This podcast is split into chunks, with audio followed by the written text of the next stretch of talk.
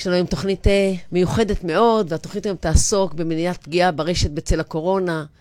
מתארחים אצלי שני אנשים אה, מיוחדים היום. מתארחת איתנו כאן סיגל לב-ארי, שהיא תרפיסטית בתנועה, מטפלת ומדריכה, עובדת עם מתבגרים ומבוגרים, עם ניסיון מקצועי של 18 שנים, ואיך היא אומרת, ניסיון אנושי של 45 שנה. תנחשו אתם בת כמה היא. אהלן, סיגל, צהריים טובים. תגידי למאזינים שלנו כמה מילים עלייך. אהלן, אז קודם כל אני מאוד שמחה להיות כאן. אה, תודה שהזמנתם אותי. אה, זהו, כפי שאמרתי, אני באמת חושבת שהניסיון המקצועי והאנושי שלי הם ביחד אה, מייצרים איזה סך, שלם כזה. ואני ממש נרגשת לדבר היום על מתבגרים. אני חושבת שזה נושא סופר סופר חשוב. אני באופן אישי מאוד רוצה לדבר על מתבגרים, וגם איתנו מתארח דוקטור אמיר גפן, שהוא חוקר ומרצה למניעת פגיעה ברשת. עבודת הדוקטורט שלו בנושא בריונות ברשת באוניברסיטת בר אילן, הוא מרצה במכללות להכשרת מורים, ברשויות מקומיות, בבתי ספר. הוא נראה לי שהוא רק עובד כל היום, את יודעת. הוא סמנכ"ל פיתוח עסקי בחברה שנקראת מודנייט, המפתחת טכנולוגיות בינה מלאכותית ועיבוד שפה טבעית לאיתור מצוקה נפשית ברשת. אהלן, אמיר, אהלן, בוא, בוא, כמה מילים, כי נשמע לי כל כך כל כך אינטליגנטי. אז קודם כל הצגת את זה יפה, אני רק אגיד באמת, יכול להיות שהכל מתחיל מאיזה חיבור כזה של uh, אימא שהיא מורה לספרות, ואבא שהוא בא מתחום הטכנולוגיה ומ-IBM, ואז בדיוק אני מתמקם בתפר הזה, בעולמות האלה שבין הטכנולוגי uh, לחינוכי, לבני הנוער. uh, ובדיוק עושה את כל הדברים שדיברת עליהם. שאמרתי, אז אתה תכף תסביר לנו יותר כן. בשיחה עם סיגל ונבין בדיוק. את ה... בדיוק, הנה. יש פה שתי, שתי נשות טיפול. איך אומר השיר? היא רוצה את כל הכסף והאושר, הכלבים, החדר כושר, הבגדים שלה ביוקר, את הצומי של הסטוקר, את הלייקים על הבוקר. נו, אחרת תחיה לה ביטחון. כן, על הצומי של הסטוקר כדאי לדבר. על הצומי של הסטוקר, נדבר על הצומי של הכל, אבל תקשיבו, אנשים, זה קלעה בול בשיר, אבל בואו, בואו, אני, אני חושבת שזאת הזדמנות נהדרת לשמוע מכם, אנשי מקצוע שעוסקים בעולם הזה. ואנחנו היום מורים שעוסקים עם מתבגרים ופוגשים את ה... לא עלינו לפני, אה, אה, אתמול היה אירוע טרגי של אה, רצח של ילד רצח ילד אחר בשלומי. מסתבר בני טובים כמונו וכמוכם. בואו בוא קצת נבין מה קורה. אמיר, קצת מה אתה עשית, מה, איך מה שאתה עושה יכול לעזור לנו. סיגל, קצת מה את פוגשת בקליניקה. דברו, שתפו אותי. אז בואו אולי בעצם נמסגר את זה. אנחנו, זאת אומרת, כמובן, כמו שאמרת קודם, מה שהאירוע של אתמול, קודם כל אנחנו במרחבים שהם מתערבבים. אם פעם היינו אומרים מרחב החיים, הפיזי ומרחב הרשת, אין חיה כזאת יותר, הרי זה, זה ביחד. האלימות יכולה לזלוג מהפיזי לרשת, מהרשת לפיזי, הדברים האלה מעורבבים. אה, אצלי במחקר, בדוקטורט, אני רואה ש... וזה גם אה, מחובר לספרות, בערך אחד מחמישה ילדים הוא קורבן לפגיעה אה, ברשת. כשאנחנו אומרים פגיעה ברשת, כל אחד חושב על מיליון דברים, חרם, שיימינג, פדופיליה. כל התשובות נכונות, זה מנעד מאוד רחב של תופעות, שכל אחת עומדת בפני עצמה, וגם בתוך כל אחת ממנה יש אה, דרגות שונות של, אה, של חומרה, ככה שאנחנו באמת אירוע מורכב. לתוך הדבר הזה, בטח בשנה האחרונה, מלחמה, קורונה, עלייה מאוד חדה במצוקות נפשיות של בני נוער, ככה שאנחנו... אה, והכל יוצא גם לרשת, ואנחנו באמת, באמת באירוע מורכב. זאת אומרת, אנחנו מדברים על זה שקיימת אלימות אצל בני הנוער ברשת וביומיום, מחוץ לרשת. Mm-hmm. סיגל, את פוגשת יותר את היומיום, אני משערת. כן, פחות את הרשת. את תשתפי אותנו קצת. Um, אני חושבת שאם נדבר שנייה רגע על גיל ההתבגרות, אז uh, גיל ההתבגרות הוא, הוא ככלל הוא גיל שנתון להמון המון המון שינויים. שאני חושבת שהמצוקה הגדולה היא שהמתבגרים עצמם לא מודעים לשינויים שהם עוברים, ואז נוצר איזה פער נורא גדול בין מה שעובר להם בראש לבין מה שהחיים שלהם uh, באמת. אה, ואם הזכרת באמת את הקורונה, אז אה, נוצר באמת חלון שהוא קשוח מאוד מאוד לכולם, אבל בטח בטח למתבגרים, שקבוצת השווים שלהם זה הדבר הכי חשוב להם בגיל הזה, אה, והם לא לידם. זאת אומרת, הפריצות של הרשת והחוסר הקשר האישי שנוצר, הם שני דברים שמשאירים אותם בעיקר נורא נורא לבד. ואפרופו, אמרת על העניין של האלימות, אני חושבת שבני נוער, אה, יש לנו איזה כזה תמונה שלהם, שהם, אה, שבני נוער הכואבים והמתוסכלים, הם הרבה פעמים נראים מאוד לנו עצובים וסגורים, ו... ו ויש הרבה בני נוער שהדרך השנייה, זו, זו הדרך שבה הם מביעים את עצמם. אה, דווקא דרך אה, אקטים מאוד מאוד אלימים, הם אקטים של מצוקה, בסופו של דבר. אנחנו יכולים לראות את זה ולהיות מזועזעים, ואיך רצח כמובן זה משהו מאוד קיצוני, אה, אבל אה, אני בטוחה שקדמו לרצח עוד הרבה סימנים אחרים, שאם רק היינו יכולים לשים לב אליהם, היינו רואים שיש כאן נער במצוקה. נהדר. אז אמיר, אני מבינה שמה שאתה עושה היום בחברה שאתה עובד בה, זה בעצם אתם, כמו שסיגל אומרת, אה, הם מנסים לזהות מצבי מצוקה טרם הביטוי שלהם החיצוני, לזהות מצבי מצוקה ברשת. כן, אני אגיד באופן כללי, בחברה הזאת ובכלל, זאת אומרת, דיברנו על טכנולוגיה באופן כללי. אנחנו נמצאים היום בעולם טכנולוגי שהוא מאוד מרתק, עם טכנולוגיות של אה, בינה מלאכותית, של למידת מכונה, של עיבוד שפה טבעית, מה שנקרא Natural Language Processing, שבעצם אנחנו יכולים לאמן היום מכונות, מחשבים, להסתכל על העולם, להסתכל על טקסטים, להסתכל על שפת גוף, להסתכל על טון הדיבור, ולהצליח להבין מתוך הדברים האלה אה, מה המצב הרגשי, מה המצב הנפשי של, של, של אותו אדם. אז בהחלט אפשר אה, להשתמש בטכנולוגיות האלה, ספציפית אה, ב-NLP, לקרוא טקסט, בדיוק כמו שאיש מקצוע קורא, להבין לא רק מילה ספציפית, הטכנולוגיה הזאת, הגדולה שלה, שיודעת למשל את ההבדל בין בא לי למות, אין לי מה ללבוש, לבין בא לי למות, כי החיים האלה לא שווה לחיות אותם. וזה בעצם קדמה טכנולוגית שנמצאת היום. שהיא בינה מלאכותית, כי בעצם יש פה את ההבנה של ההקשר, של הקונטקסט, להבין מה הכוונה. אז תסביר לנו רגע מה, מה הטכנולוגיה שאתם עושים, אה, שאתה עובד בה עושה היום. הטכנולוגיה הזאת בעצם קוראת אה, פוסטים שעולים ברשת, אה, באתרים. הרבה פעמים הם עולים באתרים... כולל פייסבוק ואינסטגרם? כולל פייסבוק ואינסטגרם בהסתייגות אחת. הרבה פעמים שם אנחנו גלויים וחשופים, אנחנו הרבה פעמים אוהבים דווקא להראות שם את הפנים היותר יפות והפחות מצוקתיות שלנו. יש עולם שלם, אה, מרחב שלם של אזורים דיגיטליים, אתרי פורומים, כמו For Girls, כמו סטיפס, כמו Ask People, כמו FXP. אנחנו המבוגרים, המורים, פחות מכירים אותם. אה, הנוער דואג גם שלא נכיר אותם, הם לא רוצים אותנו שם. אלה מרחבים שבהם מה שמתאפשרת שם זה כתיבה אנונימית. ואז יותר קל לי לשתף את החוויות שלי, את המצוקות שלי, גם את הדברים שאני פחות מוצלח בהם, בעילום שם. והיום יש טכנולוגיה שיודעת להסתכל על כל הדברים האלה, לדעת לזהות אם יש שם מצוקה נפשית, מאיזה סוג, בדידות, חרדה, דיכאון, חלילה אה, נטייה אובדנית, באיזה רמת חומרה, ולהעביר אותה לגורמי טיפול וסיוע. לא יאמן. וואו, זה... אני, אני קודם כל חושבת שזה... זו הצלה. להרבה בני נוער, אה, לא רק לבני נוער, אבל זו הצלה. אה, וככה בעודך מדבר, אני, אני, אני מקשיבה ואני אומרת, אני, אני בטוחה שיש הרבה בני נוער ש, ש, שזה יכול להיות דבר שמציל את חייהם תרתי משמע. Mm-hmm. והכתיבה האנונימית וזה שהם משתפים ברשת, אני חושבת שאם נדבר עם הורים, אז הורים יגידו, הם לא מדברים איתי. הם לא פונים אליי, הם לא, הם דווחים עליי כל הזמן, הם דיברנו מקודם קצת על מתבגרים. כן. זה, זה נכון, אבל זה כאילו, מה שאת אומרת, את אמרת, יש סימנים מקדימים, ואני אומרת, אנחנו כהורים צריכים לפתח את, ה, את החיישנים וגם אם ילד לא מדבר, לראות את שפת הגוף שלו, את, ה, את השעות, את ההתנהלות שלו, אוכל, לא אוכל, מגיע הביתה, לא מגיע, איך הוא יוצא, מה הוא לובש, עם מי הוא מתראה, מה, כן, כן לקרוא את הסימנים הלא מינוליים, ובצירוף עם מה שאתם uh, מציעים בטכנולוגיה, זה בעצם יכולת לסרוק, גם לקרוא את הסימנים הפחות מינוליים שלהם בדרכים אחרות. כן. שוב, אני... אני בא מטכנולוגיה, ואני אגיד, בתוך העולם הזה של מצוקה, של פגיעה, של, של בריונות רשת, של כל מה שדיברנו עליהם קודם, עדיין כלל ה-80-20 עובד גם פה. זאת אומרת, רוב היכולת למנוע ולהתערב ולעשות שינוי דווקא לא טכנולוגית, מה שיוצר תסכול. כי אנשי טכנולוגיה אומרים, אם יש לנו בעיה שהיא בזירה טכנולוגית, הביא לי אה, עכבר ומקלדת ונפתור את זה. זה לא עובד ככה. התמונה הלא נכונה בוואטסאפ הלא נכון, אין כרגע מי שיודע אה, ליירט ולעצור את זה. מחזיר אותנו לחינוך, מחזיר אותנו למודעות, מחזיר אותנו לאותו ויסות, לאותו חשיבה רגע לפני שעולה משהו לרשת. עדיין, מרגע שעלה, אפשר היום להשתמש אה, ברשת, גם לאתר את הדברים, ולאתר את ה... כמו שאמרתי, גם את תופעות הפגיעה וגם את המצוקות. כן. אז אני רציתי להגיד משהו לגבי החלק האנושי, עוד לפני כן. הטכנולוגי, שבעצם אה, הורה שלא מבין למה המתבגר שלו לא מדבר איתו, אה, אנחנו, התפקיד שלנו כהורים, עוד בגיל הילדות, עוד לפני שהגענו לגיל התבגרות עם הילדים שלנו, לייצר שיח. כי... ללמד אותם שמדברים. כן, גם לדבר איתם, גם ללמד אותם שמדברים, גם uh, כל החלק הרגשי בכלל, שהוא יהיה נגיש והוא כזה שאפשר uh, uh, uh, לשתף אותו.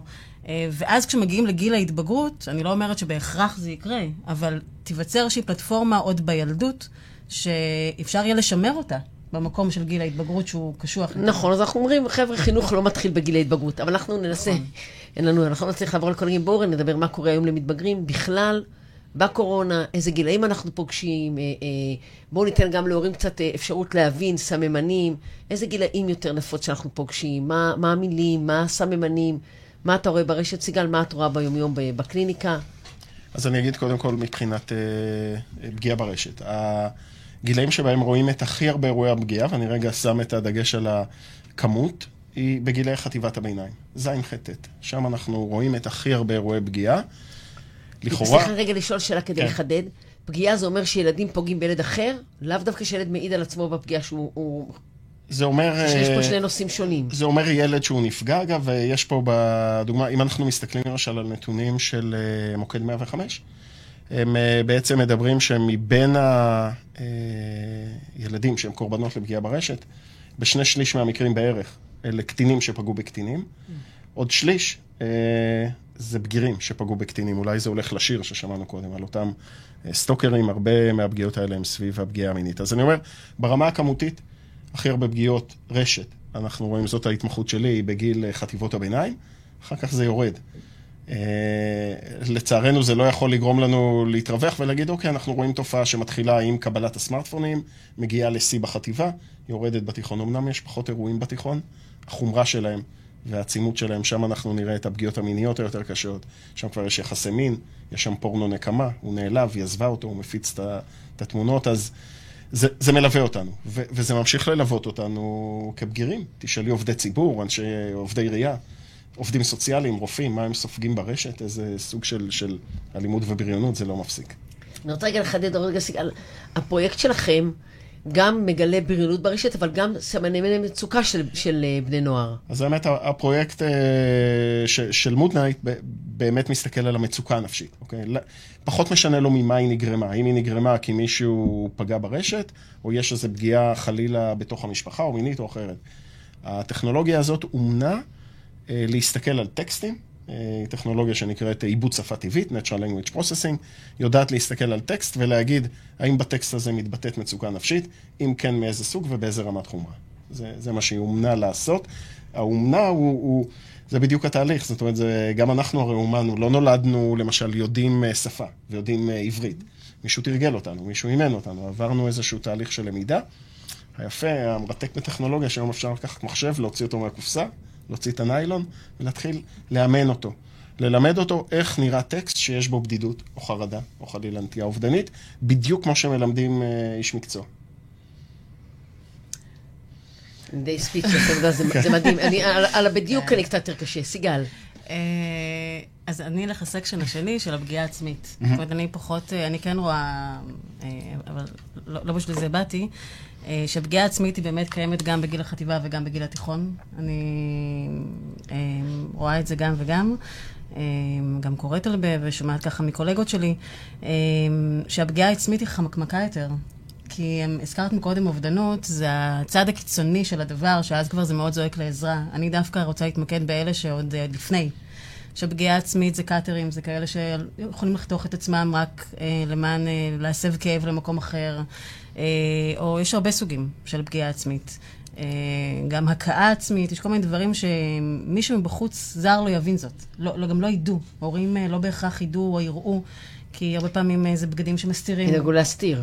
כן, בוודאי. בדומה להפרעות אכילה, שילדות יסתירו, ילבשו בגדים גדולים, ידאגו שלא יראו, שלא... נכון. זה לא קריאה למצוקה, זה באמת אה, ביטוי של המצוקה. זה לא שאתה עושה את זה כאקט ורוצה לייצר תשומת לב. לא, לא, לא, לגמרי לא. זה ממש אקט שהוא נועד אה, אה, על מנת לרכך ולהסב כאב נפשי מאוד מאוד מאוד מאוד קשה, כדי שלהמיר אותו לכאב אחר שהוא יהיה נסבל.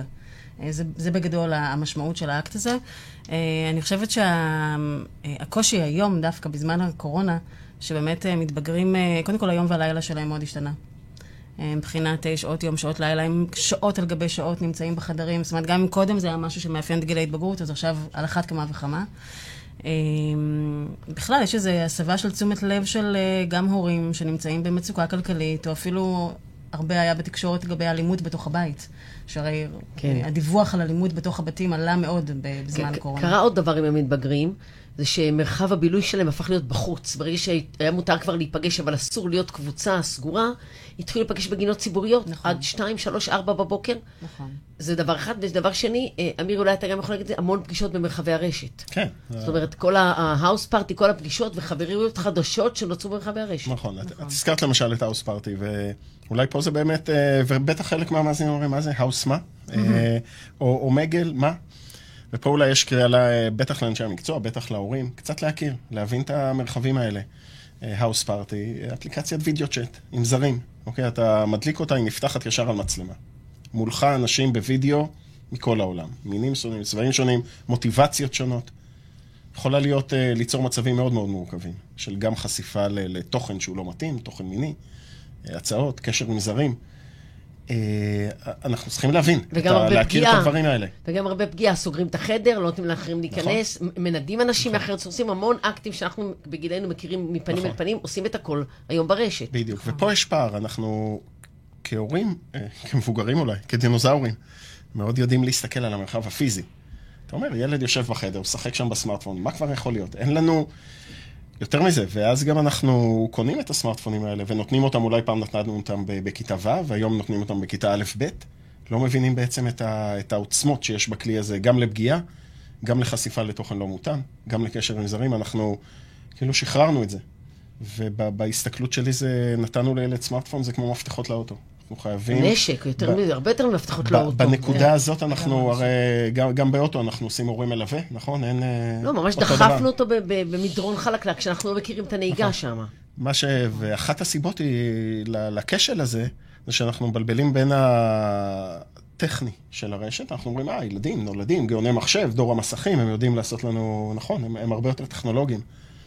אבל אין לו את ההבנה הזאת של הגבולות. מה קורה כשמישהו שהוא. לא מכיר, מציע לו להיות אה, דוגמנית, דוגמן או דוגמנית, ובואי אה, אה, תסגרי דלת, תעשי אודישן, בואי לא נספר בינתיים להורים, אם תעברי אני כבר אדבר איתם.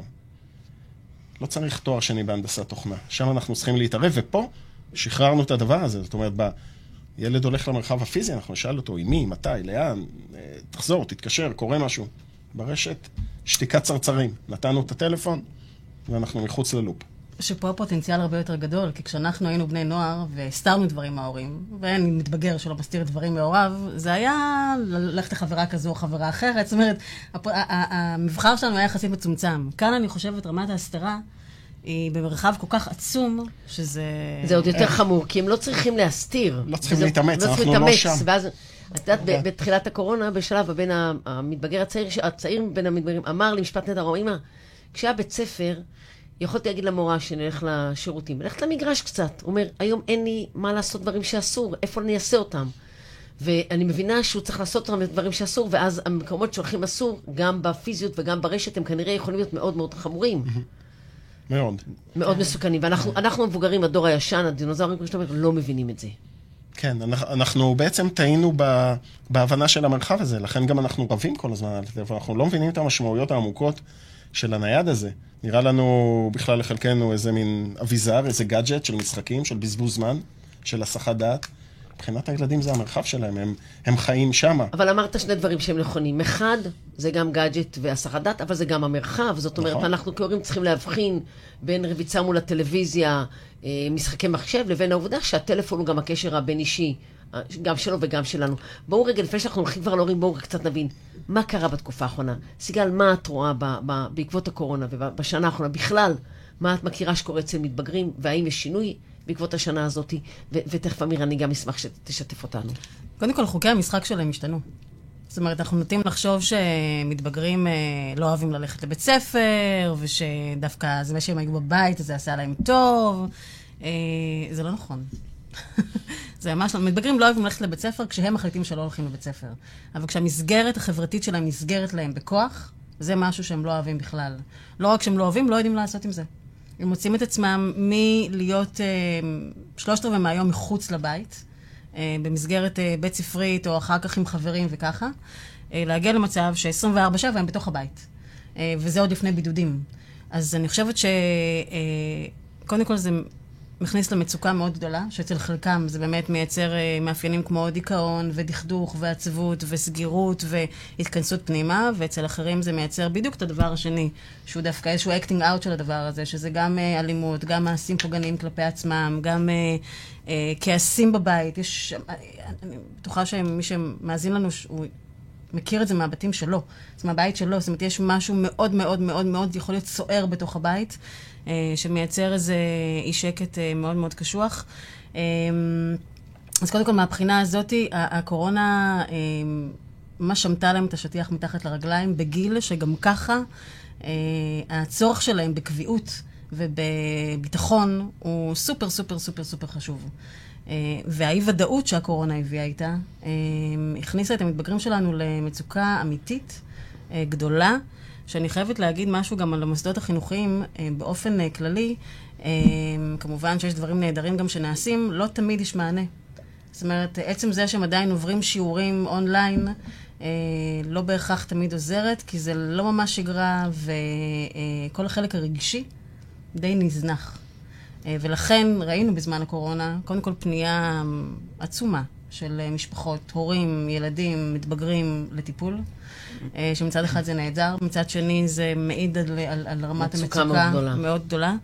אה, ויש כמובן גם גורמי סיכון. זאת אומרת, מי שמתבגרים שנכנסו לתוך הקורונה עם גורמי סיכון מהבית, מה שנקרא, וזה לא משנה כרגע אם זה מחלת נפש, או איזושהי הפרעה, או, אה, או קושי חברתי מאוד גדול, או אלימות בתוך הבית, או, או just name it, או אמרת הפרעת אכילה לפני כן, לא משנה.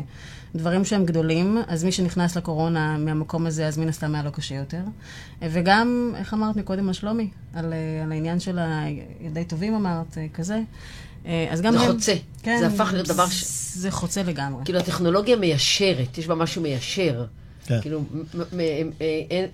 אין, כבר, אין כבר מעמדות, כולם בעצם אה, אה, מושפעים, מושפעים וחשופים, ויש כן. מפגשים, יש בזה גם משהו נהדר דרך אגב. אנחנו עשינו אינטגרציה בבתי ספר, היום זה קורה ברשת גם, יש בעצם שוויון. נכון. אמיר, מה נכון. אתם ראיתם בתקופה? אני אולי רגע רוצה להמשיך, ב...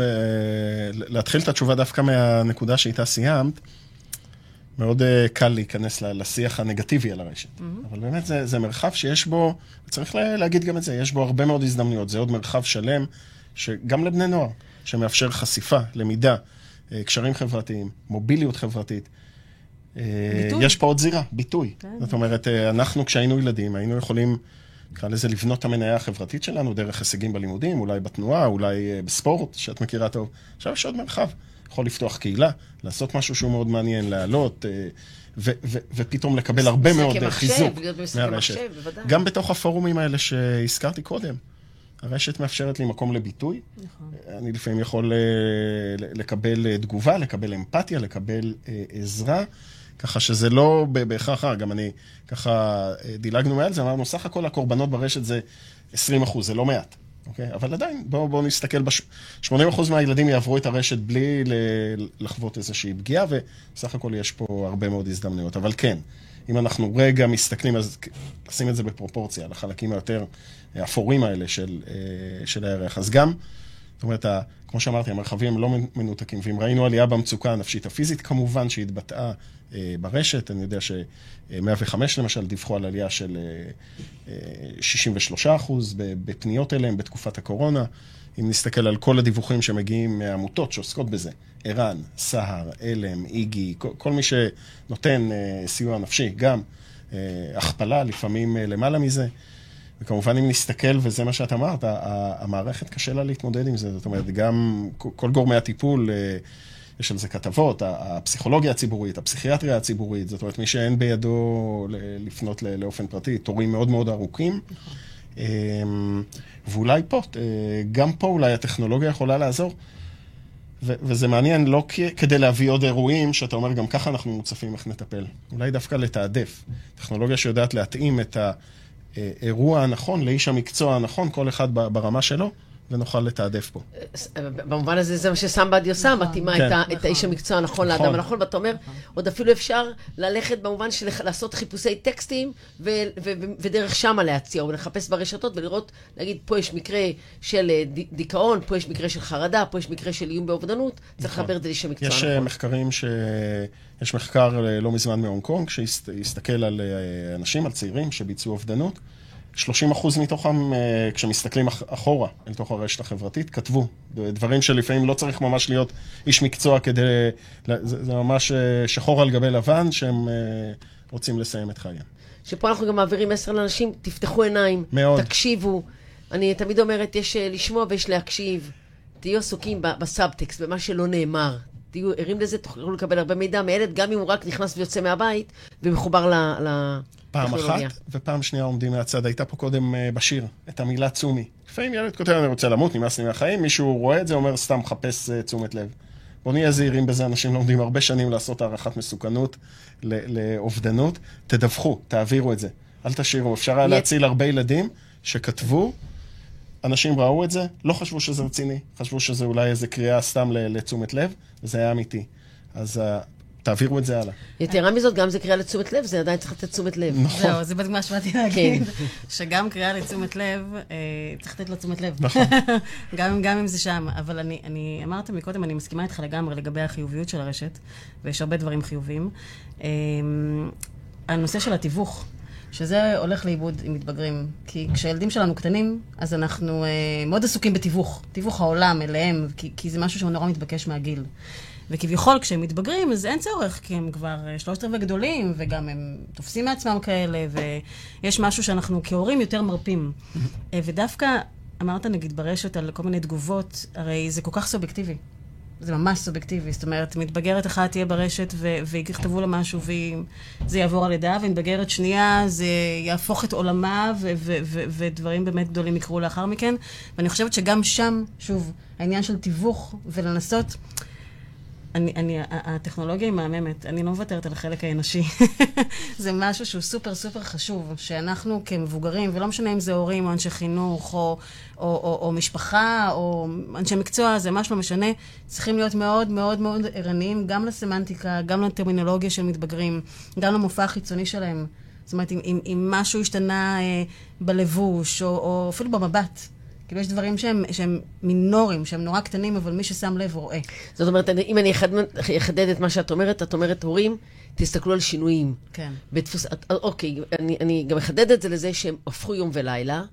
להבדיל מזה שהם הופכים את זה בחופשים לחודש, חודשיים, הם הפכו את זה לשנה וחצי. אני מחזיקה אצבעות שיחזרו ללמוד, אבל אני אומרת, חשוב לנו כהורים לשים לב לשינויים בדפוסי האוכל, בדפוסי השינה, ב... שמעבר למה שקורה בתהליכי התבגרות. אנחנו גם מדברים, דרך אגב, שנה וחצי, מגיל להיות בן 13 ללהיות בן 14 וחצי, זה הבדל להיות בלי שערה ולהיות עם שפם ולהתגלח. השנה וחצי הזאת, בתוך הטווח הזה, יכולה להיות קריטית ומאוד משמעותית. שהחלק החיצוני שאת מדברת עליו הוא, הוא, הוא באמת דווקא בגלל העניין של המצלמות. הרי אנחנו שמענו הרבה על ילדים שלא מוכנים לפתוח מצלמה, ואחר כך זה הפך להיות אה, חובה של הפתיחת מצלמות. אה, זו התעסקות שהיא להם, היא... מאוד קשה. מאוד, זה אתגר עצום, שהרבה מהם בכלל לא מצליחים לצלוח את האתגר הזה, אה, כי כל העיסוק החיצוני הוא משהו שהוא מאוד קשוח, והמצלמה היא קרובה, ואז רואים כל נקבובית, וזה הופך להיות עיסוק שהוא, שהוא, שהוא קשה, הוא מאוד מאוד מאוד קשה. שאני רוצה רגע לקחת את זה גם לצד הטוב, שאנחנו כהורים יכולים להגיד, יש לך עיסוק בצד החיצוני, בוא תהיה יותר מטופח, בוא, בוא ובואי תעשו קצת ספורט. זאת אומרת, אנחנו צריכים, כמו שאמרת מקודם, אמיר, יש לרשת דברים חיוביים. גם בתקופה הזאת אנחנו כהורים צריכים להסתכל גם על הפן החיובי, מה אנחנו יכולים להרוויח מהסיטואציה הזאת. וגם גם להתעניין. את אמרת, קודם דיברנו על, על העניין של, אה, של לב- לראות שינויים. אז יש הבדל בין הורה שבא ואומר, אה, מה קרה, ופתאום עכשיו את הולכת עם שיער פזור, ולא מהמקום הזה, לבין לבוא ולשאול. זאת אומרת, יש עניין של לגשת ולהתעניין, גם בשינויים שאנחנו רואים, לא מתוך מקום של ביקורת, או מתוך מקום של...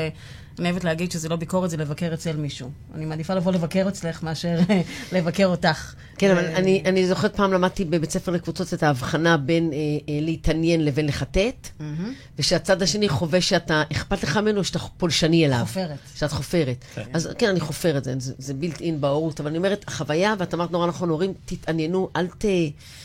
אל, תח, אל תיתנו לצד, תשתדלו לא לתת לצד השני את החוויה שאתה מחטט לו. נכון. אתה באמת, באמת מתעניין. כי יש משהו גם בהתעניינות, שגם אם כרגע העניין לא, לא נוצר, אז ה- ה- הילד יודע שיש פה מישהו שמתעניין בו, ולכן גם אם זה לא היום, אז זה יהיה שבוע הבא, הוא ידע לבוא ולהגיד, הנה, אני כאן. אז ההתעניינות היא לא רק לאותו רגע, היא בעצם מתווה איזושהי דרך של תקשורת. ובואו נמשיך את ההתעניינות הזאת גם אל המרחב הדיגיטלי. מה אתה עושה? עם מי אתה משחק? בוא תראה לי מה זה פורטנייט, מה זה דיסקורד, מה זה האוס פארטי, מה... הרי לא באמת, סנאפ... לא באמת מעניין אותנו עכשיו להיות uh, כוכבי רשת. Uh, הרי על מה אנחנו מסתכלים כשאנחנו נתעניין? בעין שלנו כהורים. אנחנו נסתכל בדרך כלל על שני דברים. אחד זה תוכן לא מותאם, והשני זה קשר עם זרים, שיכול להיות מסוכן. אז מתוך ההתעניינות נוכל אה, להיחשף ולהבין את, את רמת הסיכון של שני המצבים האלה. נכון, אבל אני חושבת שכמו שבמרחב הפיזי, אה, אנחנו מחנכים את הילדים, אה, גם מבחינת לבוש, לזכור את המשמעות של זה, וגם מבחינת יחס לזרים, וההבדל בין להגיש עזרה לבין, לבין לתת לאדם זר איזושהי אפשרות להתקרב אליך, צריך את אותו חינוך לעשות ברשת. לגמרי. זאת אומרת, לה- להסביר שאנשים יכולים להתחזות, שאתה צריך לדעת להכיר אותו, שזה לא מישהו שאומר לך שהוא, אלא באמת לדעת פרטים... אה, והרבה יותר קל להתחזות ברשת. זאת אומרת, רוב ה... אנחנו רואים את זה בתקשורת, רוב האנשים, אה, הנה, רק לפני כמה שבועות, אה, בן אוריינור, מורה לכדוריד מהרצליה, הולך ל-14 שנה בכלא, מהתחזות ופגיעות מיניות מול קטינים. והכל היה ברשת. ודרך אגב. מאמן של בנות, הרבה שנים. כן. והכל הכל היה ברשת. תגידו, אתם יכולים להגיד סטטיסטית שיש עלייה גדולה במה שקורה בשנה האחרונה, בשנה וחצי האחרונה, בכל מצבי המצוקה, לא רק בהטרדות, גם במצבי המצוקה, גם, ב- גם בדיווחים על דחק וחרדה ו- ודיכאון, וגם, וגם אתם יכולים להגיד משהו על הגילאים, מה אתם פוגשים. זה ירד בגיל קצת? יש הבדלים בין בנים ובנות? קצת מה אתם פוגשים. אולי אני אגיד, אה, ונסתכל בכלל על העשור האחרון ו- ועל האקספוננציאליות של הקורונה. אני חושב ש... ומי שלא ראה, שווה להסתכל, למשל. בואו נלך, אה, ניקח את אותו סרט בנטפליקס, סושיאל דילמה, כן. או מסכי עשן. כן. והוא באמת מראה. אה, ואפילו נותן הסתכלות על אה, בנות, אוקיי?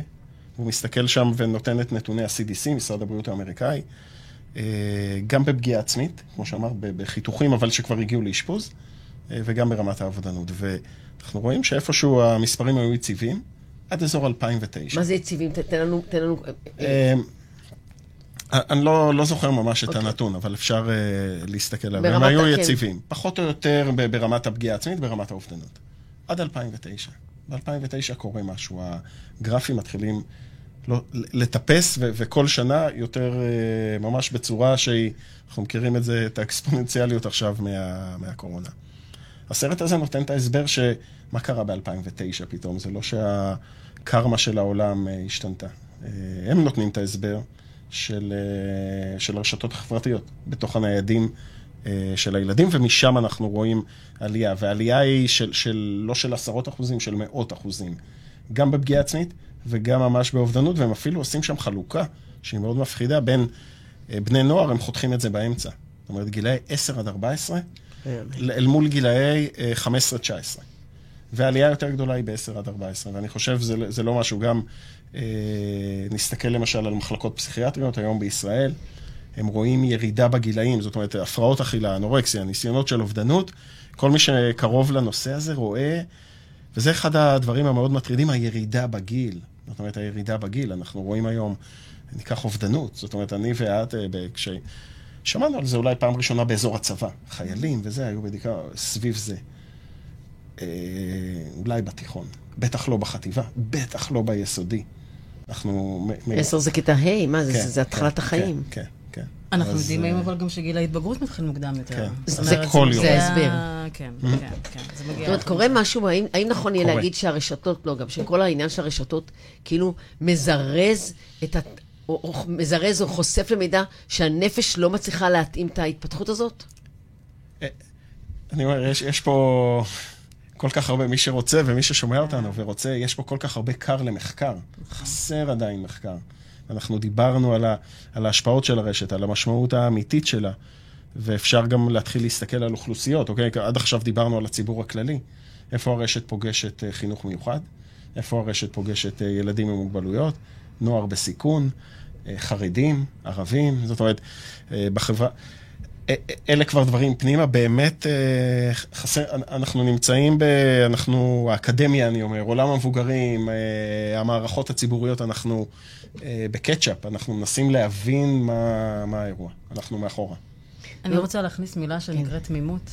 תמימות? כן, כי אני חושבת שאם יש משהו שהגישה לרשת ומה שהרשת מציעה, עם כל הדברים היפים שבה, זה התמימות הולכת לאיבוד הרבה יותר מוקדם. זאת אומרת, אם אנחנו היינו משחקים בשכונה עם חברים, וזה היה המרחב שהכרנו, אז היום המרחב הוא עצום. זה חברים uh, בחו"ל וביבשות אחרות, ו- ו- ובכלל חברים שהם, שהם דמיוניים והם לא, הם וירטואליים והם לא, uh, לא אמיתיים. Um, ויש משהו בתמימות אצל הילדים הקטנים, עשר, תשע, אה, שהם הולך לאיבוד הרבה יותר מוקדם. שאני חושבת שהוא מביא איתו באמת גם אה, חוסר יכולת גם להכיל לפעמים. הצפה. אני חושב כן. שהרשת מביאה, היא מגבר, הרשת היא אמפליפייר. ופתאום זאת הצפה של מידע, של אנשים, של... של זה עולם נורא דינמי, נורא נאירוטי. שבעצם הבדל בין דורות, אם פעם היה 20 שנה, היום דור זה 3-4 שנים. תגידו, כן. יש הבדל בין בנים ובנות? אתם פוגשים, סיגל, את פוגשת בקליניקה, בפניות של הורים. אמיר, מה אתם פוגשים? פוגשים הבדל בין בנים ובנות? אני יודע שוב להתייחס לנתונים ש-105, כי היום הוא קולטן של הדברים האלה מספר, אז אה, מדווח, אז בהחלט יש אה, הטיה מגדרית מאוד ברורה, ב, לפחות בהסתכלות של אה, מה שמגיע ל-105, רוב הקורבנות הם בנות, רוב הפוגעים הם בנים בצורה חד משמעית. אה, מובהקת. לאו דווקא זה תמיד ככה בספרות האקדמית, אבל לפחות זה מה שמגיע. אה, ולגבי דיווחים על מצוקה, זה מה ש... לגבי דיווחים, לא, לא שהם קורבנות של הטרדה, אבל לגבי, לגבי, סליחה, מה שאתם עושים, כמו לקרוא על דכדוך, חרדה, דיכאון. למעלה מכפול. זאת אומרת, הטכנולוגיה שלנו מסתכלת לתוך הרשת בכלל. אה, אם תשאלי נגיד את המייסדת של אתר פורגר, אז היא תגיד לך לפני 20 שנה. זה התחיל בתור אתר, מסיבות, לקים, זה לבנות, אה, לא יודע, כל מיני סלבריטיז.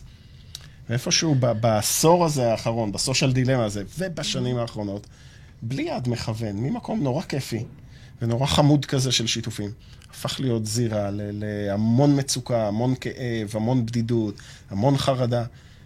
קורה משהו, אוקיי? אנחנו עוד לא לגמרי אולי מבינים את זה. יכול להיות שבנות יותר מבצעות את זה, ולכן גם ברשת? אז זהו. מאוד יכול להיות. אני חושבת נכון. שבנות גם רואים את זה, אני רואה את זה היום מאוד, אה, בנות אה, באופן, בדרך כלל בנות יותר מבטאות. זאת אומרת, קל להן יותר לבטא מבחינה רגשית. אה, ודווקא מהמקום הזה, אני אומרת, בואו נשים לב לבנים. דווקא בקטע של נכון. הפגיעה העצמית, ולא מה... כי קודם כל הם מחזיקים פאסון, עדיין אין מה לעשות, הטעיה מגדרית זה משהו שאנחנו עדיין חיים בה, אז נכון שכבר היום יש בנים אחרים, אבל uh, יש איזו ציפייה מהם להיות יותר uh, מוחזקים. Um, כמובן שזה מאוד מאוד כללי, מה שאני אומרת. Um, ובנות, באמת, הנטייה שלהן יותר לדבר ויותר לשתף, יותר קל להן, גם, גם מבחינה חברתית. בנות יכולות לשתף אחת את השנייה בתוך החבורות האלה של הבנות, כשבנים לא יעשו את זה. אמ, אז כן רואים בנות מגיעות יותר, כן. אבל יחסית לבנים, גם בנים היום מגיעים. אנחנו, יודע, אנחנו יודעים שפגיעה מינית, יש, אה, אני לא יודעת, גם מחוץ לרשת, עד גיל עשר אין הבדל בין בנים לבנות, נכון. ומעל גיל עשר יש עלייה גדולה אצל בנות וירידה אצל הבנים. נכון. אני רוצה רגע, לנו, אנחנו, זמננו נורא קצר, אתם לא שמים לב, אנחנו כבר מדברים מעל 40 דקות. אני רוצה רגע, רגע ככה להגיד, אם אפשר לדבר לא רק על איך ילדים פוגעים באחר, גם על הסמנים של פגיעה אישית. כמה היום אנחנו שומעים על ילדים בדיכאון ובחרדה, איזה עלייה יש, מה יותר נפוץ.